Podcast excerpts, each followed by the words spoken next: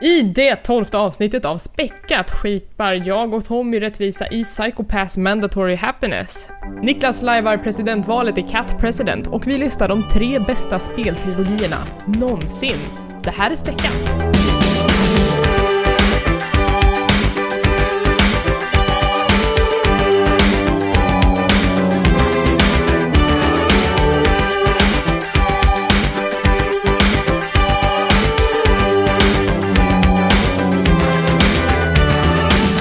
Och välkomna till Späckat, en podcast om spel och allt runt omkring.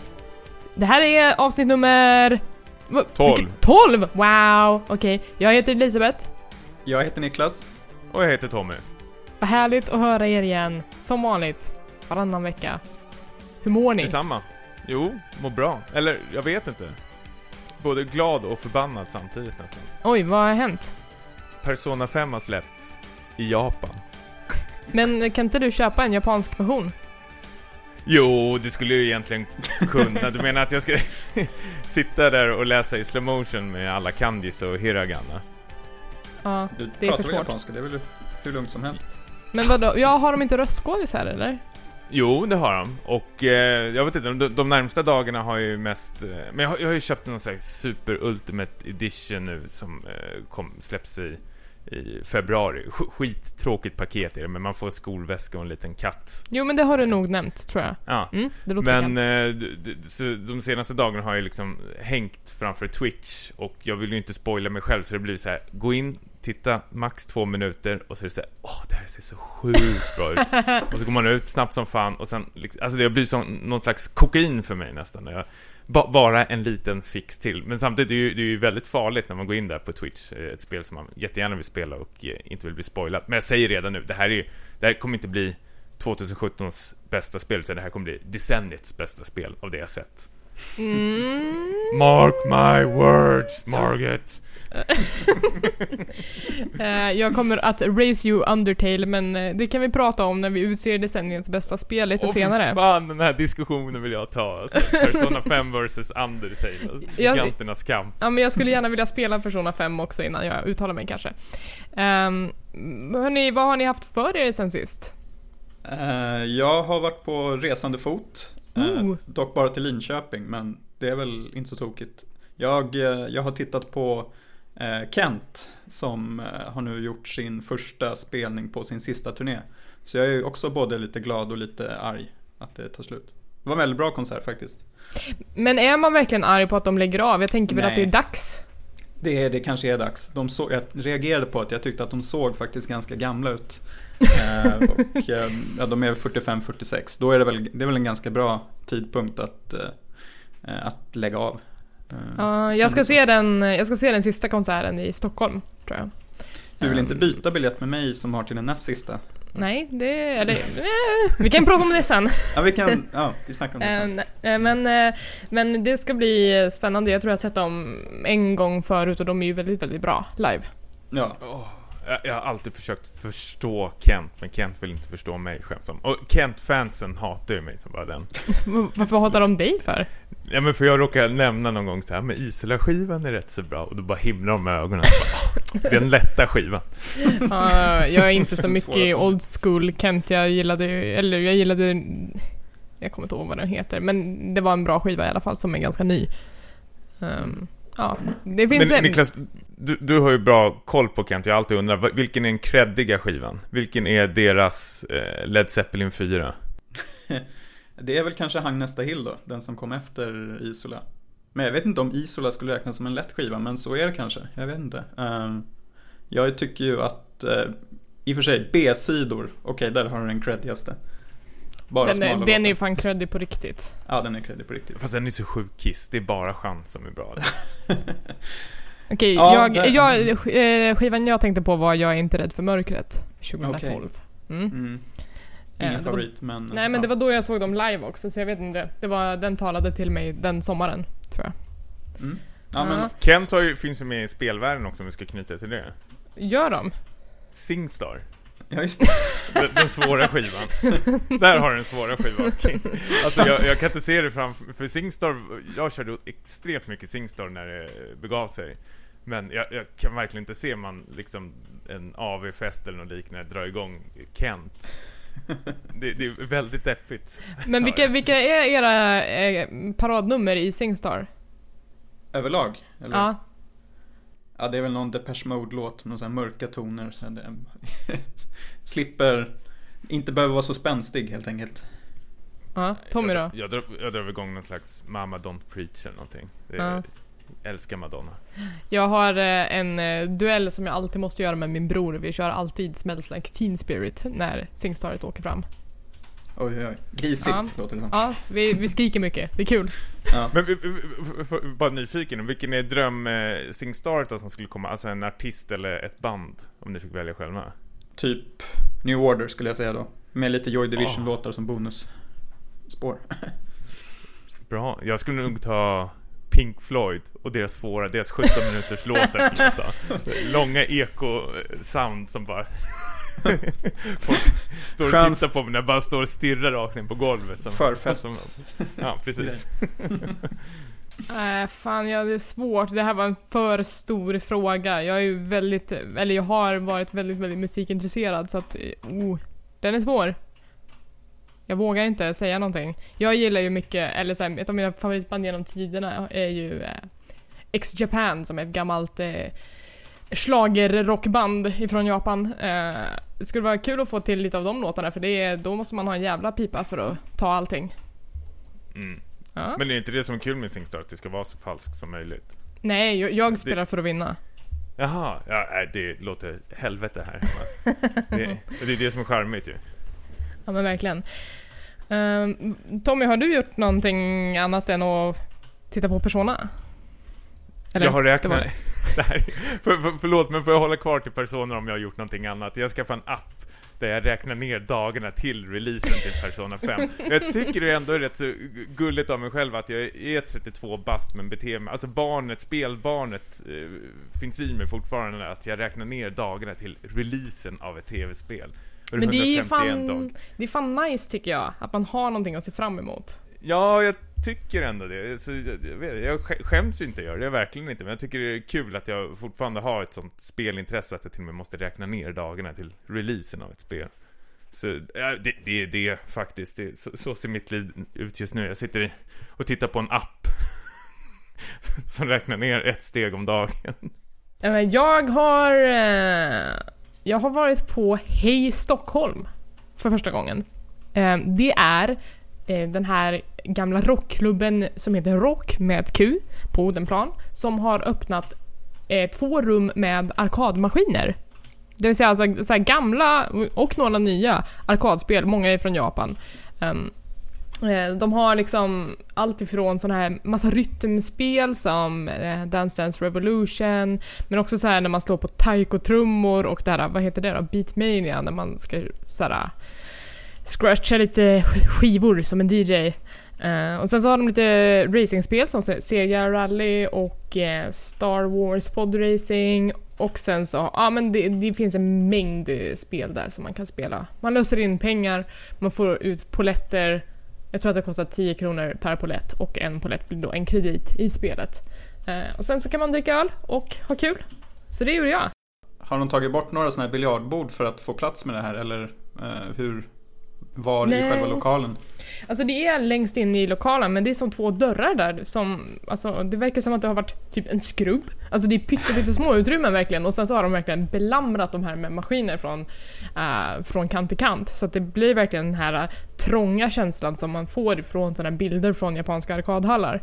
Eh, kanske inte riktigt samma men, men ändå ett bra försök. Eh, så att det, det är ganska litet utrymme men det finns mycket att göra på det utrymmet ska jag säga. Eh, det blev ganska, det blev ganska eh, trångt på kvällen. Vi var ju där på en lördag och det var mycket folk så att eh, sen blev det ju liksom varmt ju längre, ju längre man var där. Eh, men det var superkul. Vi spelade ett spel som hette Hyper Bishibashi Champ. vet, vet ni vad det här är? Nej. Nej okej. Eh, det var någon som bara 'Det här har jag på Playstation' eller något sånt där. Det är, alltså det är typ... Alltid, alltid den personen. Alltså. Nej men det är som, eh, eh, man spelar 22 stycken minispel, man är tre spelare och det går ut på att man ska trycka på, alla har så fyra knappar som man ska trycka på i olika ordning eller, och det, ska- det ska ju gärna gå så fort som möjligt och det handlar mycket om reaktionsförmåga och sådana saker. Eh, och det var ju hysteriskt kul så att om man går dit, prova det. Eh, för man får väldigt mycket spel för en polett. Uh, man kan sitta ganska, ganska länge och, och spelet funkar så att man slår ut uh, varandra men om man får tillräckligt mycket poäng så kan alla avancera tillsammans. Så att liksom, ju bättre man presterar desto, desto mer får man spela. Så det, uh, det var superroligt, verkligen. Får man det, det får man säkert kanske inte, men jag måste fråga ifall. Finns det någon slags level card där? Att man har ett personligt kort som man stoppar i maskinen som man får levla upp? Eh, nej, alltså jag ser ju att många av de maskinerna har den funktionen fast det står typ på japanska och bara såhär eh, Ja. scanna ditt kort här men, men så fanns det ju inte på plats att man kunde få ett eller så. För jag har ju Eh, fortfarande kvar min Taiko no Tatsujin-kort. Man, jag älskar det att man sätter in sitt eget personliga kort och stod det typ ah, hej välkommen Tommy. Och så rankar du ju upp och så sparas allting på det där kortet. Där du hade dina high scores och eh, allting. Och så lever du upp med det där kortet och så fick du nya stämplar på kortet och allting. Ja men, men just det där Taiko-spelet fanns ju så att om du skulle ta med Mm. det och swipa det där så kanske det skulle funka. Jag vet inte. Mm. Du får, Du får prova. prova, ja. Ska vi göra Ehm. comeback i Taiko? Eh, Vi- Den vi feta körde- trummisen är tillbaks. Tio år äldre. Ja. Vi, vi körde det lite grann, det blev ju fan svårt när man inte körde på den lättaste lätta svårighetsgraden. Ja, det är helt galet svårt. Ja. Men jag älskar det. Sen såg jag väl att de hade det där, åh, nu glömmer jag bort vad det heter, det här man trycker på, det är väl fyra gånger fyra knappar, kanske fem gånger fem till och med. Kvadratiska ja, knappar som man ska synka till musik. ja. Det, det fanns mycket otroligt. sådana spel i olika utformningar. Ja men jag älskar man, man, alltså första gången jag besökte en sån där arkadhall i Japan, man, man bara sprang runt och slog på allting som en jävla galning. Sen Ja. hittar man ju sin lilla nisch, det man är eh, lite bättre på. Ja, jag eh, fastnade ju till slut framför Dance Dance Revolution. Jag körde mycket eh, Dance Dance Revolution kanske på gymnasiet, men då körde jag ju det på tangentbord för att man hade ingen dansmatta hemma utan man laddade hem till sin dator och sen så laddade man hem alla låtar man tyckte om som det fanns såna här tracks till och så körde man som ett as och sen så fick man karpaltunnel. Eh, men just när man får chansen att spela på en riktig matta, då blir det ju liksom mycket roligare för att det blir också lite eh, svårt på ett sätt för att man ser i huvudet att man kan den här kombinationen, jag kan göra det i takt om jag hade tangentbord, men när det är en matta och man inte har något flås så blir det, då blir det ganska tungt till slut och jag fick ju såhär bryta mitt i en låt för att jag bara alltså inte hade någon ork kvar. Ehm, så jag tänkte att jag får väl gå dit lite oftare så kanske jag får en liten workout i veckan. Och dricka öl mellan spelomgångarna. Nej men jag var faktiskt helt nykter nu när jag var där. Eh, Det funkade bra ändå, det var kul ändå. Dance Dance Revolution, eh, no pun intended, men det där är ju min akilleshäl, verkligen. Alltså jag, jag, jag, jag känner mig som typ Forrest Gump när han var liten och gick runt med stylter nästan när jag stod på det där. Alltså att jag liksom staplar runt på de där jävla strecken, eh, eller pilarna. Det, det går bara inte för mig. Ja. Dansgolvet när de kör skön diplomusik, då svajar jag som bara den. Men där går det inte. Icke. Ja men det här precis. det är ju mycket mer så här, vad ska man säga, en mekaniskt dansande. Det är ju inte så mycket att du behöver ha eh, the groove in the body utan du behöver mer ha så här bara öga-fot-koordination. Utan dess like. Fan, 100 spänn och då har du väl 10 spel, det räcker väl rätt så länge. Det är ju två timmar minst du måste kunna. Uh, jag köpte nog poletter för eh, 200 spänn och sen så delade jag några av dem med min sambo. Eh, och sen kostade det typ 20 spänn i inträde. Eh, de säger att det är garderob men det är inträde för man måste. Dåligt. Gud. Två plus. ja men fan garderoben var fan 2 plus. Men, men arkadhallen var... Fem eh, plus. Nej, 4 plus för att det är inte riktigt... Alltså det kunde ha varit större, ska jag säga. Allt som allt 3 plus. En 3 plus Fy Fan, vi är dåligt betygssystem vi har. Bort med det. Metacritic. Ja, precis. Hyper Bishimashi Champ! Um, hörni, vi har fått lite lyssnarfrågor. Oj. Wow. Allihopa kommer från Toste på Twitter, at Toste. Vår bästa Eh. lyssnare. Ja, eh, kul att du undrar saker. Okej, en av Tosses frågor är Jag vill ha tips på bra Metroidvania-spel. Hit me. Pass. Nej men jag skojar. Jag skulle Nej, också men- vilja passa på det. Tråkigt. Nej men så här, jag, eh, jag har ganska dålig koll på, på genren. Vad, vad, kan vi säga något bara om vad ett Metroidvania-spel är för något? Det är väl en, som en blandning av spelserierna Metroid och Castlevania, alltså att det är någon sorts 2D-plattformsspel som har mer liksom, utforskande i sig så att det blir lite plattformsäventyr. Det är ju lite så att det finns olika dörrar som du inte kan låsa upp. Precis. utan medan spelet eh, fortsätter så kommer du låsa upp förmågor som låter dig låsa upp de här dörrarna och därmed låsa upp fler delar av eh, den här stora kartan liksom, som man är på. Eh, Två tydligaste av dem är väl, och mest kända, det är väl Super Metroid och Castlevania Symphony of the Night. Precis, det är två det är klassiker. därför man har liksom gjort någon slags hybrid av de här två namnen då. då. Så. Mm. Mm, Jag har ju bara spelat eh, Metroid-spel tror jag så, ja, i den här kategorin. Så att jag är helt fel person att fråga. Ja, jag är väl inte så himla bevandrad heller. Jag, eh, jag såg dock att tidigt nästa år så kommer det ett spel som heter Sundered från eh, Thunder Lotus Games som ska vara ett handritat eh, Lovecraft-inspirerat Metroidvania. Och eh, H.P. Lovecraft kan man inte få nog av så jag tycker att det, det känns väldigt intressant. Sen så närmare till hans så tror jag att det heter något i stil med Shantae Half Genie Hero. Ja, ja, ja, ja. Chante. Shan- Shantae. De brukar Mm. köra det på Awesome Games Done Quick-grejerna. Mm. Det har jag hört från mina spelintresserade vänner att det är ett roligt Metroidvania plattformsspel. Så jag har inte spelat dem själv men det blir väl Mm. två tips. Jag tror det kommer en ny version av Chante nu till PS4. Och sen ska det komma en uppföljare också. Häftigt. Men, eh, ja, eh, självklart ska man väl säga, alltså om man inte har spelat Castlevania eh, Symphony of Night så ska man väl göra det. Ba- både för bandesignen och eh, soundtracket faktiskt. 5 plus. Eh, sen vet jag ju också att för förra året så kom det här Action Verge. Precis. eh, som folk tycker är jättebra men- och det ser jävligt snyggt ut men jag har inte hunnit prova det själv. En rejäl jävla hommage till eh, första Metroid-spelet eh, faktiskt.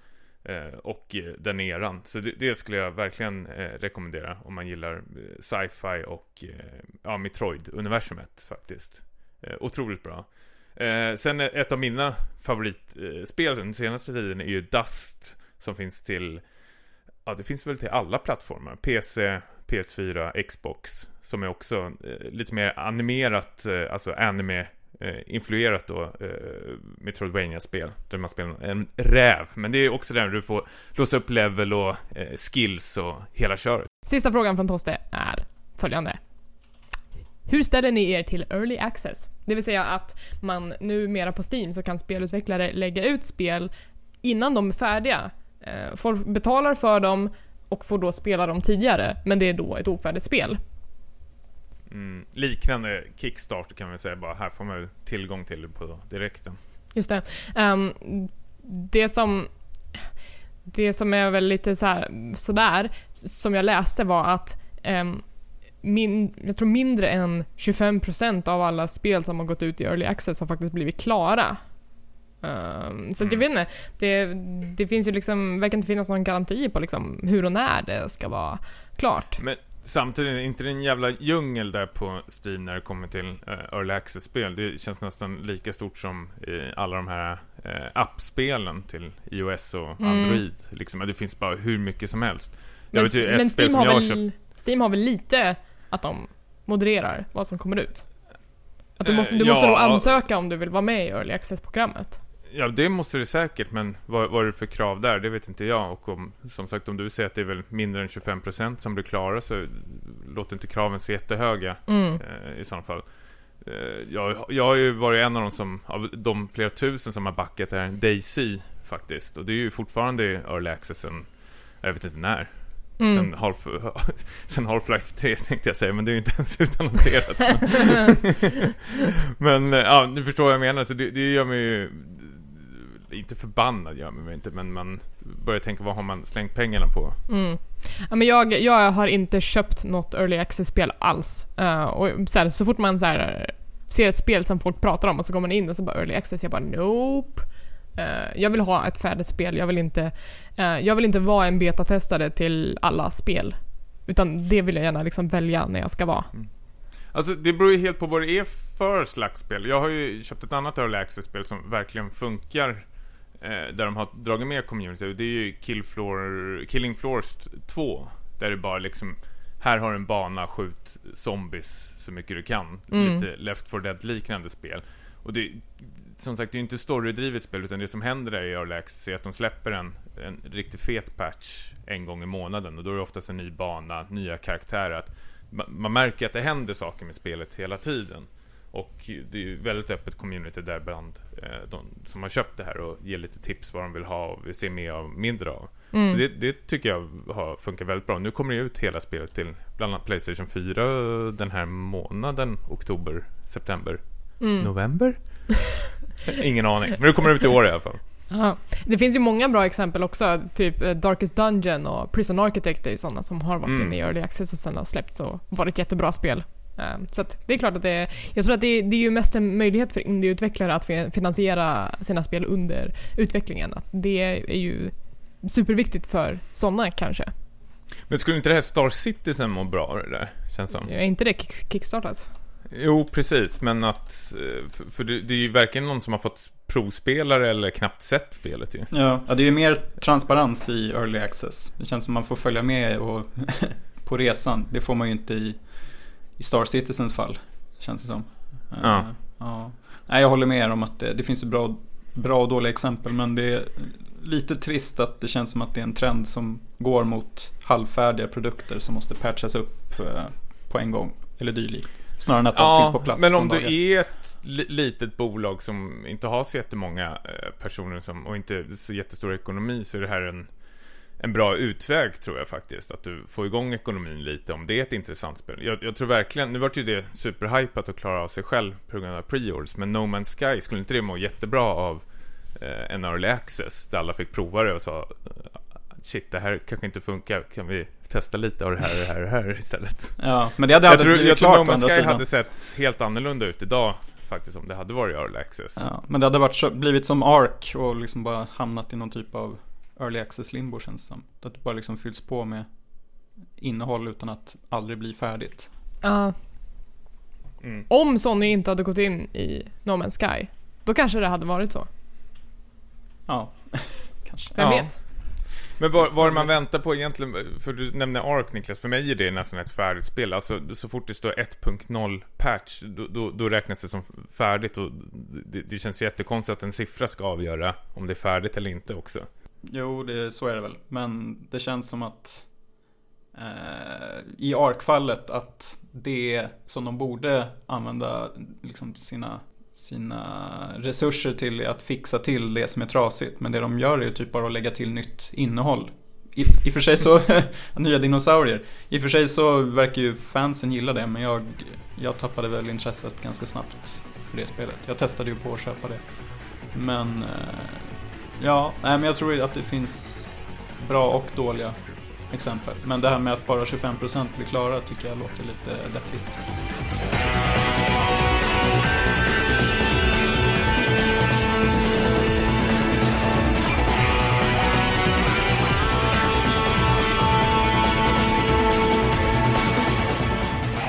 Tommy, du och jag har spelat ett eh, spel som alldeles nyss har kommit ut på Playstation 4 och Playstation Vita. Nämligen PsychoPass Mandatory Happiness. Och det här är ju ett spel, det här är ett spel som är precis i linje med det som du gillar, det vill säga Vision Novel-genren. Ehm, det är väldigt mycket läsa. Eh, det här spelet är en eh, framtidsskildring, det är väldigt mycket cyberpunk. Ehm, det handlar om ett samhälle där man har utvecklat någon slags eh, etik där man ska försöka få den största möjliga glädjen för största möjliga antalet människor.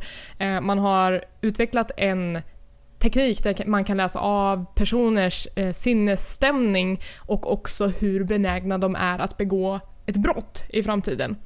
Eh, och för det här så finns det då också en specialstyrka som eh, ser till att stoppa de här eh, latenta brottslingarna innan de ställer till för mycket skada för samhället. Och i det här spelet är ju baserat på en anime, om jag inte har helt fel. Tommy? Nej, det har du inte. nej. Det är alltså baserat på en anime, men det är en liten fristående berättelse i samma universum som jag har förstått det. Jag har inte Precis. sett den själv, så att jag... Nej, jag har faktiskt sparat animen också, så jag kan Ah, inte svara på oj, okej. frågor. Ja. Jag vill spela spelet först, tänkte jag. Ja, okej. Ehm, det, alltså det som, den här, som händer i den här är väl att du ikläder dig rollen som en person på den här, eh, vad ska man säga, polisstyrkan och eh, man ska lösa ett antal händelser som på något sätt verkar vara knutna till varandra på, på ett sätt som jag inte ska spoila. Handlingen låter ju ganska rakt tagen av The eh, Minority Report. Det, finns det några likheter? Alltså science fiction-boken av Philip K. Dick som blev film också. Det här med att Ja. eh, stoppa brott innan de begås. Det, det är ju någon eh, blandning där mellan Philip K. Dick och eh, 1984 skulle jag faktiskt säga. Att du har ett samhälle som är övervakat och ett enda snedstreck så kommer liksom staten in, eller po- polisen då, och Eh, sätter käppar i hjulen för de här. Eh. Och det, de gör ju det på ett väldigt eh, brutalt sätt, eller vad säger du Elisabeth? Um, ja, de har alltså då ett vapen som de kallar för The Dominator som de då pekar på offret, eller offret, vad ska man säga, den personen som är i fråga och då kommer de få information om vad deras criminal coefficient är och om den är över 100 så kommer de eh, jag tror att i första steget så kommer de paralyseras och tas till någon slags rehab. Men om de har liksom ett värde som eh, stiger över taket, då är det liksom eh, avrättning. Ja, och det, det är väl någonting när man satt på den här pi- eh, pistolen och liksom börjar analysera, då finns det inget återvändo utan du, du måste ju trigga igång den där på direkten. Ja, så att det är, det är väldigt, eh, det är väldigt Det- såhär, eh, mycket, man måste ta mycket ställning till olika eh, situationer. eh, Kan man väl säga. Ja, och det ifrågasätts ju verkligen också. Eh, det, vissa case, eller, eller vad man nu ska kalla dem som man är med om, har ju, kan ju vara liksom sån här gisslan-drama. Eh, jag tror väl första fallet, det kan man väl prata lite runt Mm. om, antar jag. Där är väl en, eh, två skolkamrater, en kille och en tjej, var den här killen då kidnappar henne för, jag vet, han, han är kär i henne. Och eh, då kallas man ju in i den här eh, specialstyrkan och ska väl eh, rädda henne. Men jag vet inte, för mig gick det väl inte så jättebra. Jag, jag tror... Jag, faktiskt. Och det är ju tack vare den här pistolen och min eh, kallhet jag körde. Men mest var det väl för att hon fick väl någon slags, inte posttraumatisk stress, men hon var ju, eftersom jag avrättade hennes pojkvän mitt framför ögonen på henne så läste min pistol av att okej, den här personen kommer bli sjukt psykiskt labil på grund av att det här, eh, det- som har inträffat så vi måste nog eh, skjuta henne också. och det är så jävla mörkt alltså, Ja. Eh, det, det som man gör i det här spelet är att man läser väldigt, väldigt mycket. Eh, man får göra vissa val, det vill säga att när man kommer till till exempel en brottsplats så kan man välja om man ska vara i något slags infiltrationsteam eller om man vill vara den som stormar in på framsidan. Eh, så att det finns lite olika vägar man kan gå eh, på plats. Men sen finns det också ett en, en faktor som är att de här personerna i det här samhället går på någon slags happy pills eh, som håller deras sinnesstämning i schack. Eh, och då kan man också välja mellan att mellan varje uppdrag ta, att ta eller inte ta det här happy pillet. Mm. Eh, Man har ju själv en mätare som från, eh, ja vad är det, T- t- eller flera nyanser då, från ljus Ja. till mörkt då. Desto Mm. mörkare, desto mer, ja, ja, större chans är att man blir, eh, ja, kriminell är väl dumt att säga men, eh, nej men an- ja, för, det, det är lite olika eh, tydligen för att eh, den här färgskalan, den är bara din sinnesstämning om du är liksom in a happy place eller om du eh, har sjukt mörka tankar för dig. Eh, Mm. men, och ju mörkare det är desto större sannolikheten att din eh, criminal coefficients kommer att gå upp också. Men de behöver Precis. inte vara länkade till varandra. Det tog mig ett tag innan jag fattade att de två var olika värden. Ja, det, det är väl det här som är lite krångligare med spelet eftersom det introducerar väldigt mycket eh, nya manicker och jag fick en känsla av i alla fall att spelet nästan gjorde klart, eller gjorde klart tydligt, men nästan tyckte att man skulle fatta det här från början. Jag fick ju gå in i de här, eh, det finns ju någon slags lexikon i spelet där man får läsa lite mer på de här eh, manickerna och då fattar man lite mer hur allting funkar och sånt. Eller hur var det för dig? Uh, ja, men jag, jag gillade att de inte skrev allting på näsan. Uh, för jag tycker att ofta att uh, de här japanska spelen och visual novel-spelen som jag har börjat spela lite grann nu eh, efter dina rekommendationer är att de är lite för övertydliga hela tiden och måste gå igenom saker gärna flera gånger för att de vill försäkra sig om att spelaren förstår. Ehm, jag tyckte att det var helt okej att allting var lite luddigt för att man fattade liksom eh, konceptet ungefär och sen så om man ville fördjupa sig i det så kunde man gå in och titta. Eh, men för mig var det helt okej för att man har sett liknande filmer eller liknande idéer och man kan dra den slutsatsen själv. Eh, jag, gill, jag gillade att det här spelet inte förutsatte att jag var liksom dum i huvudet. Ja, eller så är du smartare Jag var tvungen att läsa på lite, faktiskt. Är det välskrivet då? Jag tycker att det var välskrivet. Jag tycker att de har gjort översättningen bra också så att den känns eh, inte så styltig som det ibland kan göra. Eh, jag tycker helt okej okay översättning faktiskt. Jag, jag, jag, förlåt, men jag måste jämföra det här med ett av mina favorit eh, Vision Novel-spel, uh, Steins Gate. Som också är ett sci-fi-spel, som jag tyckte att det, det, gick mer på djupet på personerna du träffar och har med dig. Här känns det mer som du liksom kastar dig in i ett team med eh, poliser. Jag, jag vill gärna flika in en grej det här, för det här Ja. var superviktigt. Både du och jag valde att börja med den kvinnliga huvudkaraktären, för man får välja mellan en manlig och en kvinnlig. Eh, Mm. De två har ganska olika origin story, så att om man väljer att spela det här spelet så rekommenderar jag verkligen att man börjar med den manliga polisen. För att han har eh, han är först och främst en lite mer emotionell person. Han är inte i samma, de har inte samma position utan hon är lite mer chefig och han är lite mer liksom grunt. Eh, så att han får en helt annan relation till de andra eh, poliserna i teamet så att man får faktiskt lära känna dem på ett annat sätt. Och eh, sen så sitter väl kanske hon lite mer på eh, vissa nyckelgrejer i historien. Och när man spelar hennes storyline så känns det som att man kommer eh, lite bakom kulisserna för tidigt. Man skulle vilja att det här eh, mysteriet nystade upp sig själv och jag tror att det hade varit bättre att börja spela som den manliga polisen för att sen gå till den kvinnliga polisen för att få liksom någon slags closure på det hela. Ehm, Men då är det ju otroligt dum speldesign tycker jag. Att jag får ju ett val i början vem jag ska välja. Den Mm. här kvinnliga eller manliga polisen. Och mm, Jag valde ju precis som du den kvinnliga och då ska jag liksom straffas för det och liksom spela igenom spelet med henne och sen liksom förhoppningsvis, vilket jag inte vet, visste förrän nu, spela igenom med den manliga polisen för att få lite mer kött på benen på de där andra kollegorna.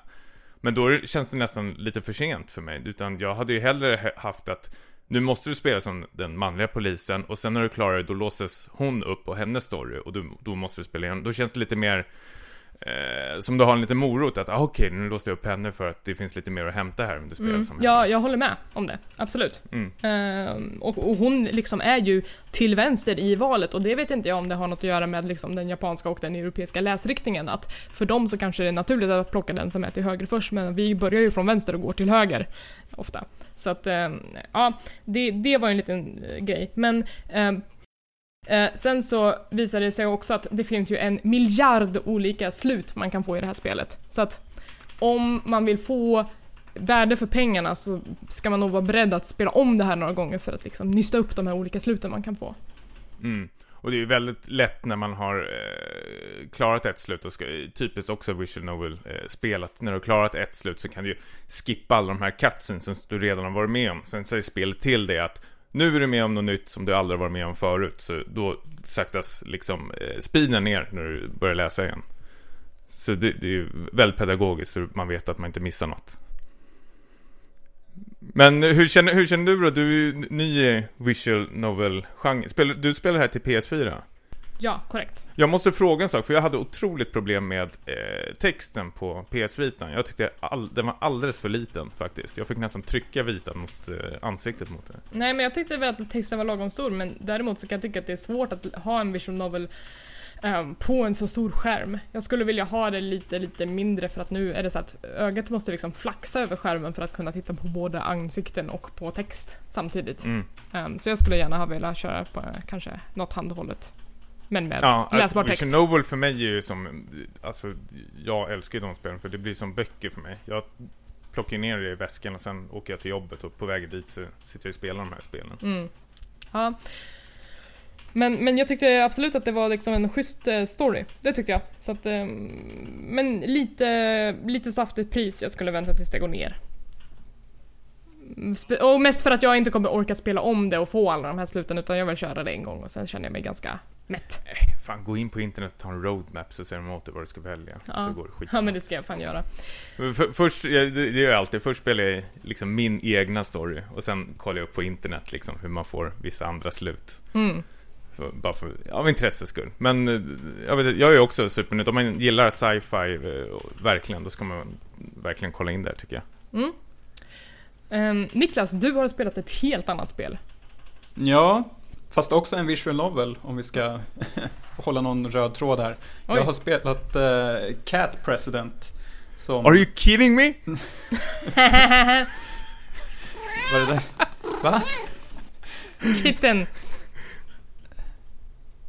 Titeln? Kitten. Jaha. ja. Jag... eh, No meow intended. No. Du kan ta över recensionen Tommy. Du Ja. har ju det här i dig känner jag. Nej men... eh, ehm, I det här spelet då, jag kände ju att det kan vara kul, en kul idé att plocka upp det här i, nu när eh, det amerikanska presidentvalet på något sätt går in i slutspurten. Eh, Donald Trump och Hillary Clinton hade ju till exempel sin första riktiga debatt som presidentkandidater den här veckan. Eh, och intressant nog så eh, börjar Cat President ungefär i, eh, ja, tar avstamp på samma ställe. Man, man spelar då som en eh, arbetslös eh, tjej som av en slump hamnar mitt i en här debatt inför det amerikanska valet. Twisten är dock att människor eh, sedan många år är förbjudna inom politiken för att de ja, enbart beter sig illa i princip. varpå, man då, eh, varpå då endast katter tillåts få bli politiker. Tyvärr så visar det sig då ganska snabbt att katterna beter sig minst lika illa. Så det, jag vet inte, det, det säger väl något om politik då, att det förvandlar människor. Ehm, Och katter. och katter, precis. Eh, vi, vi skrattade ju ganska gott åt den här premissen eh, i slutet av förra... Missen. Ja, men... Men nu när jag har testat spelet då skrattar jag faktiskt inte lika mycket längre. För det är lite... Ungefär nu som, som vi har börjat här nu, det är väldigt enkelspårigt. Jag har förvisso bara testat en av de här kandidat, kandidaterna. Eh, man får välja mellan sex olika kandidater då som man börjar jobba för och så följer man den historien. Sen kan man testa en ny eh, när man har klarat spelet. Ehm, men det är väldigt mycket såna här, såna här lama kattskämt. Era är faktiskt bättre än de i spelet. Det är liksom, istället för South Carolina så är det South Catolina. Det är inte ens smart. Det är, det är, eller, istället, eller så är det Mjaova istället för Iowa. Det, det är på den nivån. Eh, Tycker man sånt är kul så absolut. Det är ho- hot shots humor. Ja, det är det. det är, fast kanske, jag vet inte. Det är någonting som saknas här. Jag testade att spela med en av katterna då som är en, eh, en Donald Trump pastisch kan man, kan man säga. Som har en sån här rolig peruk på sig som spretar åt alla håll. Eh, och det, det ska ju vara en satir märker man över politiken i USA främst. Jag tycker inte att den känns sylvass. Det är ju liksom såna här det är kattskämt eh, att typ de ska legalisera kattmynta istället för cannabis och sådana såna grejer. Eh, och sen är det kanske någon typ av kritik som förs in om att Thunderpaw berättar att USA gillar honom för att han är en, en stark person då som inte visar svagheter och då är det okej att mobba de andra kandidaterna.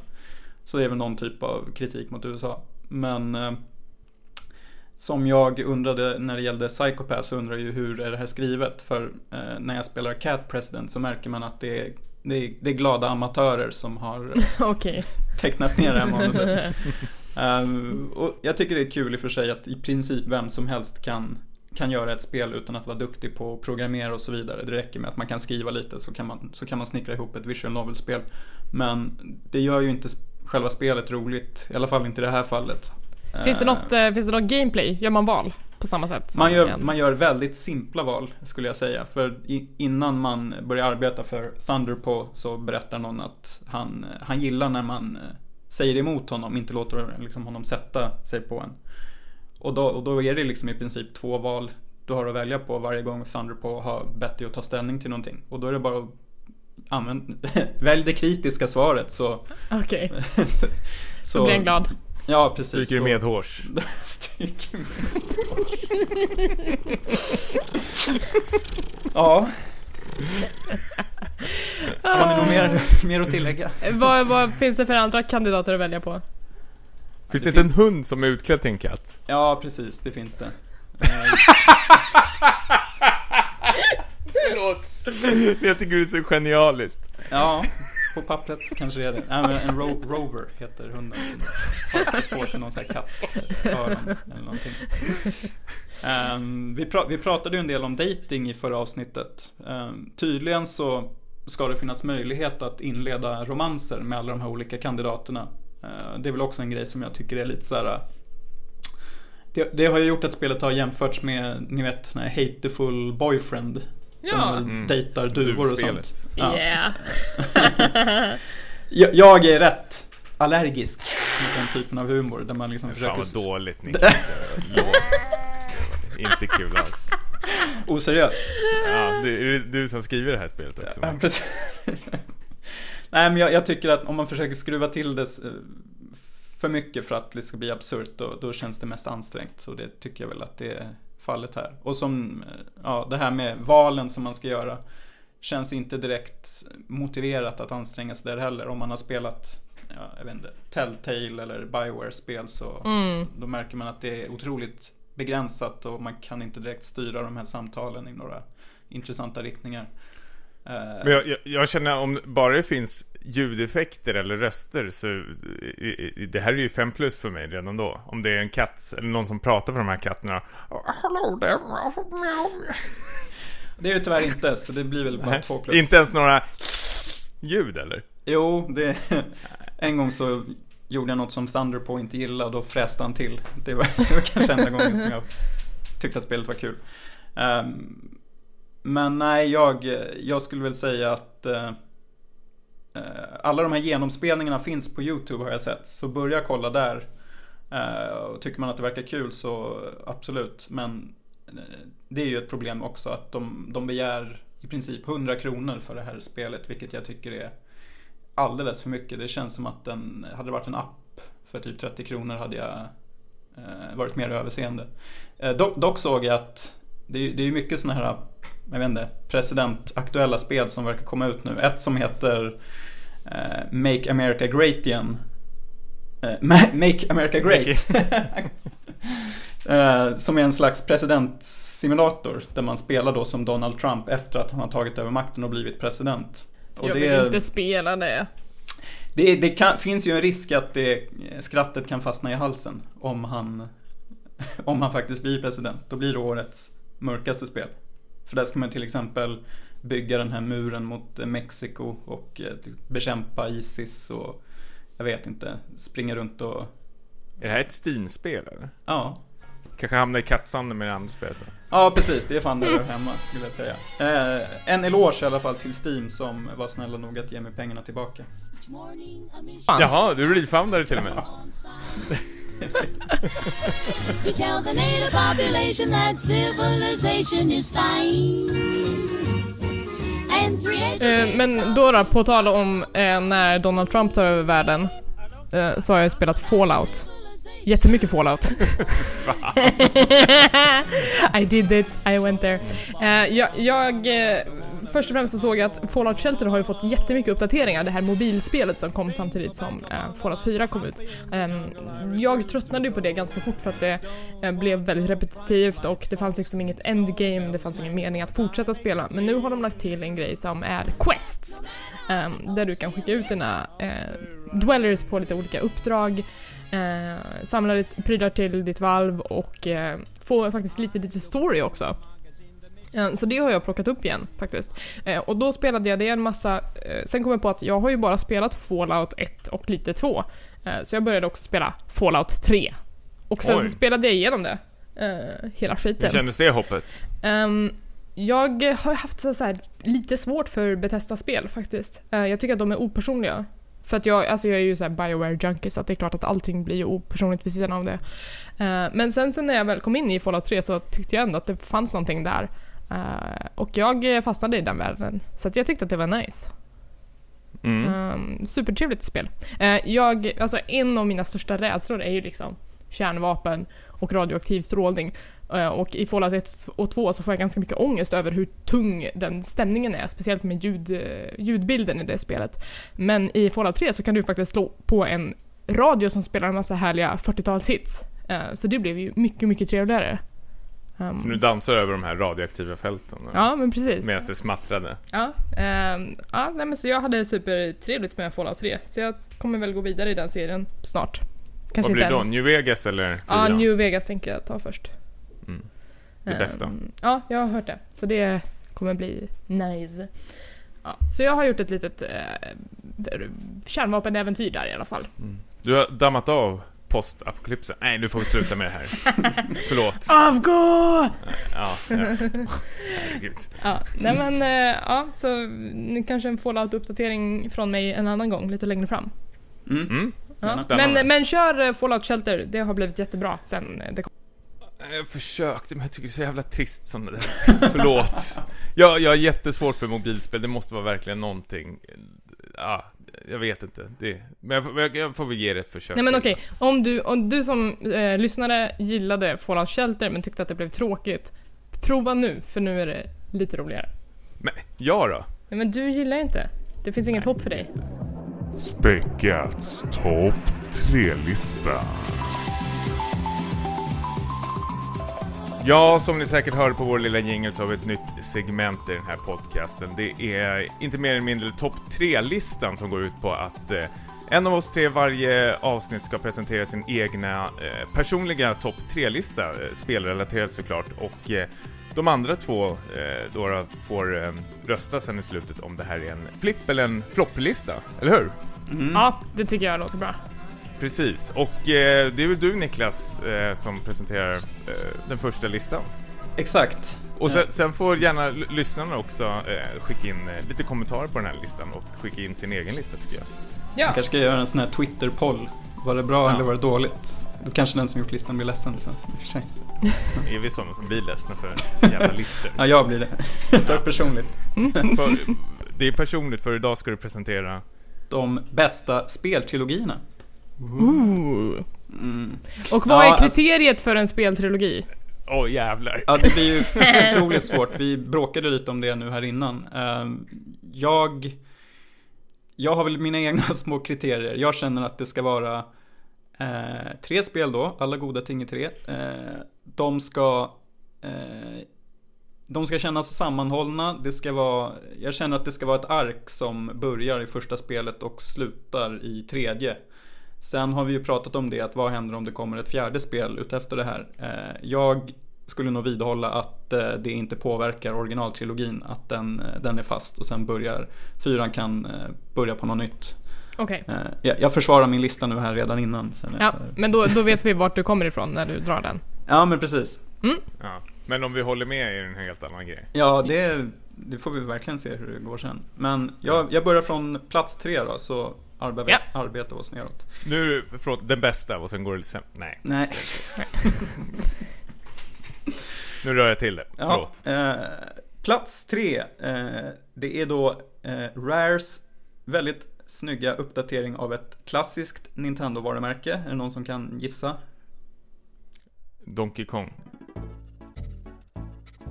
Ja, det är det. Eh, Donkey, Kong, Donkey Kong Country som... Eh, jag blev så otroligt imponerad när jag tittade tillbaks på det här och såg att det kom ju faktiskt ett spel eh, varje år där en period. Alltså de här tre åren på raken. Eh, ettan som tror jag är det näst mest sålda eh, Super Nintendo-spelet någonsin.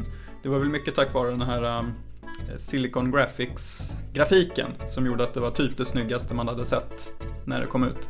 Eh, Det var otroligt atmosfäriskt och det hade en sån här eh, funktion för att man kunde vara två spelare också. Eh, Turas om. Körde ni den när det var aktuellt? Det här var mitt första tv-spel. Eh, det första Donkey Kong Country faktiskt. Jag fick ett Super Nintendo och eh, Donkey Kong av mina föräldrar och jag körde det som as och jag kom ingenstans för jag var så jävla dålig på det. Eh, men eh, jag, jag, eh, det har lämnat otroliga minnen hos mig. Jag kommer aldrig glömma det spelet. Mm. Jag, jag älskar hela trilogin. Jag tycker alla tre spelen är skitbra faktiskt. Och, och musiken också tillhör väl eh, bland de bästa i alla fall i, i SNES-eran skulle jag vilja säga. Ja, i synnerhet tvåan tycker jag är Ja, verkligen. Farlig, farligt. Det är, tvåan är väl lite som en, en typisk uppföljare med att det är lite mörkare, lite svårare och ja, bättre i det här fallet då, kanske inte så typiskt men eh, trean kanske lite bortglömt men eh, det kan ju bero Otroligt på bra att, trean alltså. Ja, det är jättebra. Jag tror att det var så att Nintendo 64 precis hade lanserats eller någonting. Eh, Så Super Nintendo var väl, sjöng ju lite på sista versen. Men det var ett riktigt Mm. bra sista spel. Första Donkey Kong Country-spelet är ju Shigeru Miyamotos hatspel. Har han sagt varför? Han var ju... ja. Eh, jag tror... Jo... Lyssnare får gärna eh, rätta mig om jag har fel, men det var ju sån otrolig succé eh, för Donkey Kong Country och eh, när Miyamoto även hade gjort en succé med Super Mario World så ville ju såklart Nintendo ha en uppföljare till det. Och då hade väl de högst upp på Nintendo sagt att eh, vi vill ha något liknande med eh, Donkey Kong Country och grafik och spelstilen. Eh då hade väl Miyamoto fnäst och sagt att det där är inget eh, riktigt spel. och det var Wow. därför han brottades Wow. som fan med hur de skulle liksom överträffa eh, Super Mario World och eh, Donkey Kong Country grafikmässigt. Och då var det ju Super Mario World 2 som var den här eh, lite mer tecknade cartoon eh, eh, liknande spelet. Som också hade otroligt grym speldesign faktiskt. Så han, han lyckades ju också tycker jag. Mm. Med det. Ja. Men eh, han tyckte inte om det. Det är ju rätt så kul faktiskt. Ja. Jag vet inte, han tyckte säkert om det men han var ju förbannad på att eh, jänkarna säkert kom in och gjorde ett skitbra eh, plattformsspel. Mm. Brit- britter var det va? Ja, skitsamma. Mm. Ja, britter. Ja, vi, vi, vi skyndar på. Eh, plats två, eh, Elisabeth, jag misstänker att jag kan få lite hejarop från dig här. För det här är ju då Mass Effect. Ja, varför är det inte detta för? Ja, det, det kan finnas bättre. Vi får se. Ja, okej. Men jag är Um. ändå nöjd att det fick vara med på listan. För att annars så hade jag eh, lynchat dig i en mörk gränd. Okej. eh, vi- Istället är det jag som lynchar i mörken. för Ja, precis. Det här blir ju lite intressant. Eh, Jag står väl här emellan och försöker eh, medla. Nej, men jag tycker att eh, jag, jag, jag spelade de här spelen ganska tätt in på varandra, inte när de var nya utan i efterhand. Eh, konstaterade att de höll väldigt bra. Ehm, känns inte riktigt som att de stod och stampade någon gång utan de ville framåt. Som att till exempel första spelet är ju väldigt eh, rollspelsmässigt men eh, sen utvecklas eh, mekaniken eh, genom serien och avslutas väl som ett, nästan som ett actionspel med lite RPG-element. Eh, och jag tyckte alltid att det kändes liksom logiskt med det de kapade bort och det de la till. Och sen det här att du, eh, valen du gör i del 1 följer med till del 2 om du vill flytta över dina sparfiler och eh, eh, eh in på del 3 också då. då. Så att eh, det kändes som att man byggde upp ett, eh, en skön, ett skönt gäng på, på den här flottan då som sen skulle rädda galaxen. Ja, men alltså det, alltså det här spelet, alltså, eller den här speltrilogin, det är ju liksom som att komma hem i varje trilogi. Um, det finns en något så otroligt världsbyggande och relationsbyggande mellan mig själv och spelet så att eh, jag har nog aldrig varit med om dess like i ett spel innan. Jag känner mycket för Mass Effect. Mm. Tommy?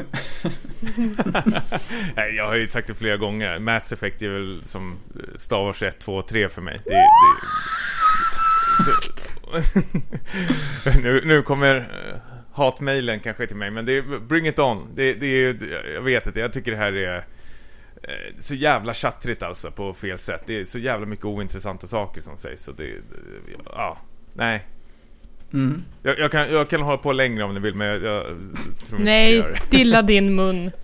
Ja, jag ska göra det. Jag sätter mig ner. Ja. Sitt ner. Plats ett då.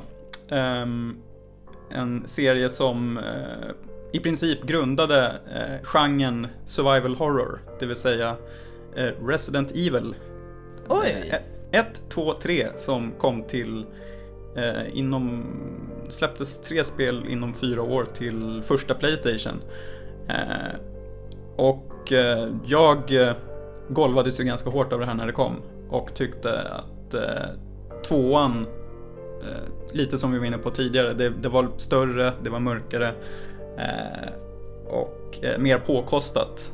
Och trean känner jag också är lite förbisett men i princip nästan lika vast som de två första. Eh, och jag vet inte, jag tycker det är så nära en perfekt tri- trilogi man kan komma. I synnerhet när man tänker på hur eh, spelen som kom efter Code Veronica och Resident Evil Zero som jag faktiskt spelar just nu för övrigt. Där, där kändes det verkligen som att eh, nu håller serien på att stagnera. Det skulle räckt med tre spel som var i princip perfekta alla tre. Sen kom ju i och för sig Resident Evil 4 några år senare och eh, ja, blåste nytt liv i eh, serien. Men det, men det är väl en annan historia. Um, hur känner ni inför Resident Evil-serien? Jag älskar alla tre faktiskt, särskilt tvåan då som du nämnde. Och jag tycker det var ju otroligt coolt när tvåan precis kom att du fick två diskar varav en disk var, eh, Leon och så, vad hette hon nu igen? Claire Redfield. Claire, precis. Och du fick se den här eh, storyn från helt två olika perspektiv som sedan eh, knöts ihop i slutet. Nej, exakt, så det var ju verkligen värt att Väldigt spela, snyggt och, spela båda, båda karaktärerna där. Ja, det var lite eh, före sin tid där kände jag faktiskt när det kom. Mm. Elisabeth, har du kört de här? Nej, jag har ju inte det. Eh, Så jag kan inte säga någonting.